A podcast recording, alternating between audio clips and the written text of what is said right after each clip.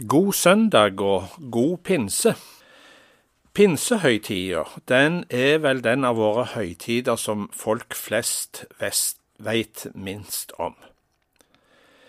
Vi feirer jul og påske, men eh, pinse, hva er nå det? Eller slik som folk i Jerusalem òg spurte på den første pinsedagen, hva er dette for noe? Pinsen det er Åndens høytid.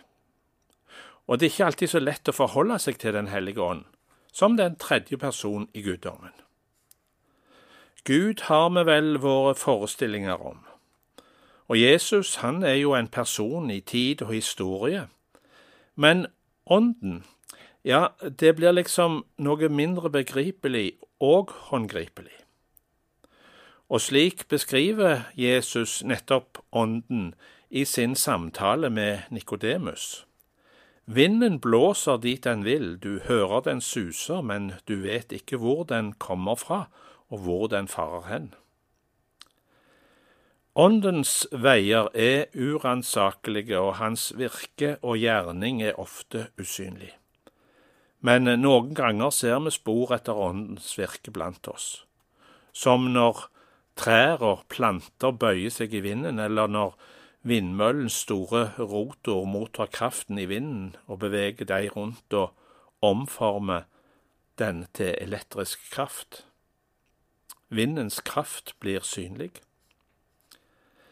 Pinsen feires i den kristne kirke over hele verden til minne om den første offentlige framtreden av Peter og de andre disiplene, der de forkynte budskapet om Jesus Kristus offentlig. Her blei Åndens kraft og virke synlig. De fikk mot og frimodighet da de blei utrusta med Den hellige ånds kraft. Med hørbare og synlige tegn trådte Ånden inn i den første kristne forsamling. En hørte lyd av en storm og tunger liksom av ild som kom til syne og satte seg på hver enkelt av disiplene. Da ble de alle fylt med Den hellige ånd leser vi i apostelgjerningene.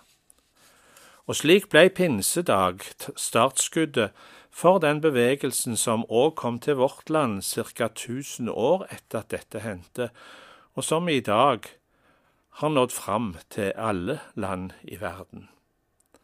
I dag er det i sannhet ei internasjonal kirke som feirer Åndens komme. Og Guds menighet i denne verden er mest fremtredende som et synlig tegn på Åndens virke.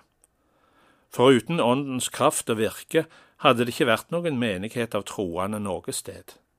På pinsedag gikk startskuddet for Den hellige ånds arbeid med å utbre budskapet om Jesus Kristus til hele verden. Derfor sier vi ofte at pinsen er kirka sin fødselsdag. Det som starta på den første pinsedag, har vokst og bredt seg ut til stadig nye land og folk. Misjonsoppdraget som Jesus ga disiplene, blei mulig å gjennomføre da Ånden kom inn i verden. Derfor er pinsefortellingen òg en flott misjonsberetning. Evangeliet ble forkynt på en rekke språk, og alle som hørte på, kunne forstå hvor de så enn måtte komme ifra. Med begeistring kan vi lese at på den første pinsedag ble 3000 nye døpt og lagt til menigheten, og disse brakte evangeliet om Jesus Kristus med seg tilbake til sine land og lokalsamfunn. Men Den hellige ånds virke stansa ikke opp etter pinsedagen. Åndens kraft er fortsatt til stede i Guds menighet på jord.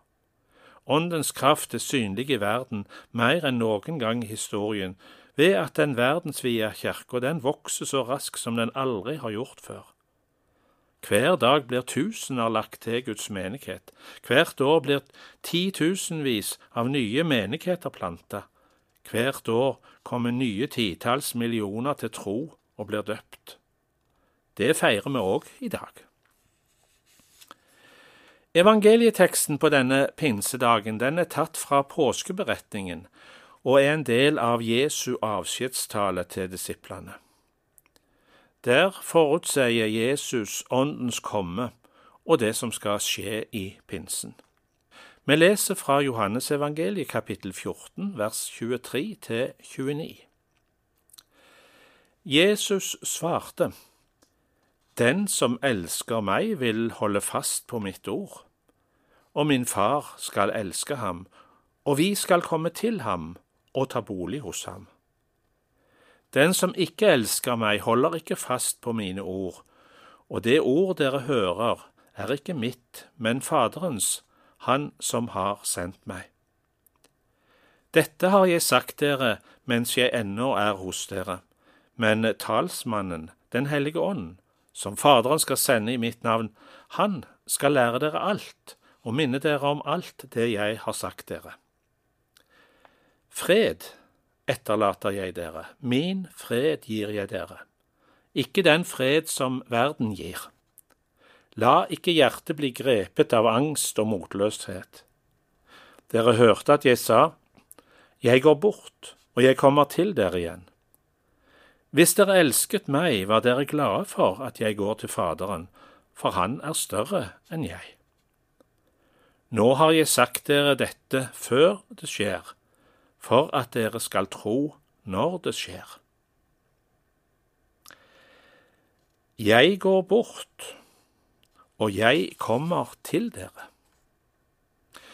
Gud sendte Jesus til jord, og etter at Jesus ble tatt opp til himmelen og satte seg ved Guds høyre side, kom Den hellige ånd til oss. Jesu oppgave var å vise hvem Gud er og bringe frelse inn i verden. Den hellige ånds oppgave er å vise oss hvem Jesus er, og forklare for oss hva Jesus sa og gjorde. Eller vi kan si det på en annen måte. Den hellige ånd gjør Gud nær, tilgjengelig og forståelig for oss alle. Ingen av oss ville ha muligheten til å finne veien til Gud av oss sjøl. Ingen av oss ville kunne ta til oss evangeliets budskap og bli frelst hvis ikke Den hellige ånd var der for oss. Den hellige ånd er nær i våre liv, og han er så nær at Jesus sier om den troende i det vi leste, vi skal komme til ham og ta bolig i ham. Derfor kan vi si at vi som enkeltpersoner har Den hellige ånd på samme måte som Den hellige ånd òg er i Guds forsamling. I den gamle pakt, og slik jødene feira og tilba i pensen, var Guds nærvær symbolisert ved tabernaklet, telthelligdommen som de bar med seg på vandringen i ørkenen. Og pinsen som vi feirer, har Guds nærvær sitt symbol i seg. Det går igjen i teksten som vi har lest flere ganger. Mitt ord, sier Jesus, holder fast på mitt ord, leste vi, og videre, det ord dere hører, alt jeg har sagt dere, og dere hørte at jeg sa. Slik stiller Jesus i sin undervisning Den hellige ånd og Ordet sammen, og de knyttes til hverandre.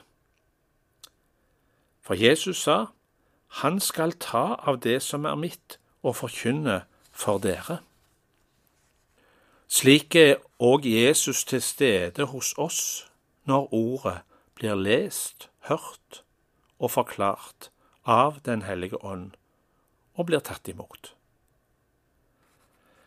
Derfor står evangelieforkynnelsen, en evangelieforkynnelsen for hele den daværende kjente verden, i fokus på pinsedag. Ordet kom, og Jesus kom når disiplene forkynte evangeliet, og forsamlingen så og forsto det som hendte og ble sagt.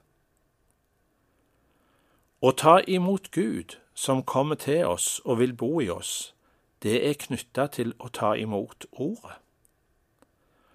Så sterkt er Ånden knytta til ordet fra Jesus at hans tilstedeværelse i verden er helt avhengig av Guds ord, og at det blir brukt og forkynt. Derfor var Jesu ordre til disiplene gå ut i all verden og forkynn evangeliet for hele skapningen. Og allerede Moses i Det gamle testamentet vitna og sa Ordet er deg nær i din munn og i ditt hjerte. Ja, det er dette ordet som er Helligåndens redskap. Søker du Gud? Leiter du etter Ånden? Vil du lære Jesus bedre å kjenne? Til ordet og til vitnesbyrdet ropte profeten Jesaja ut i Det gamle testamentet, og det samme gjelder ennå. Til ordet og til vitnesbyrdet. Det er der du finner sannheten. Slik er òg Guds rike fundert på ordet og forkynnelsen av evangeliet. Den første menigheten, ja, de første 3000 som ble døpt på pinsedag, var et resultat av forkynnelsen av evangeliet, anvendt av Den hellige ånd på de som var til stede den dagen og hørte på. Så la oss på denne pinsedagen takke Den hellige ånd, som alltid står bak oss, og som går med oss, som gjør at Gud alltid er nær. Han er like nær oss som vår egen pust, og blåser inn i oss liv og fred. Ja, merk deg at Jesus midt inni det han sier om Ånden, òg taler om fred. Min fred gir jeg dere, og det er en åndens gave til oss. Denne forunderlige freden, shalom, freden fra Gud, som vi får når vi legger oss sjøl og våre liv i Guds hender og overgir oss til Hans omsorg og kjærlighet. Denne djupe freden så forunderlig, uavhengig av følelser av uro og angst eller hva det måtte være. Den er det òg Guds ånd som bringer oss. Derfor, midt i en urolig og krigstrett verden, så ber Guds menighet på denne festdagen Veni creator spiritus. Kom, Hellig Ånd, med skapermakt opprett hva synd har ødelagt, og glede i hvert hjertegiv som du har skapt til evig liv. Fred være med dere.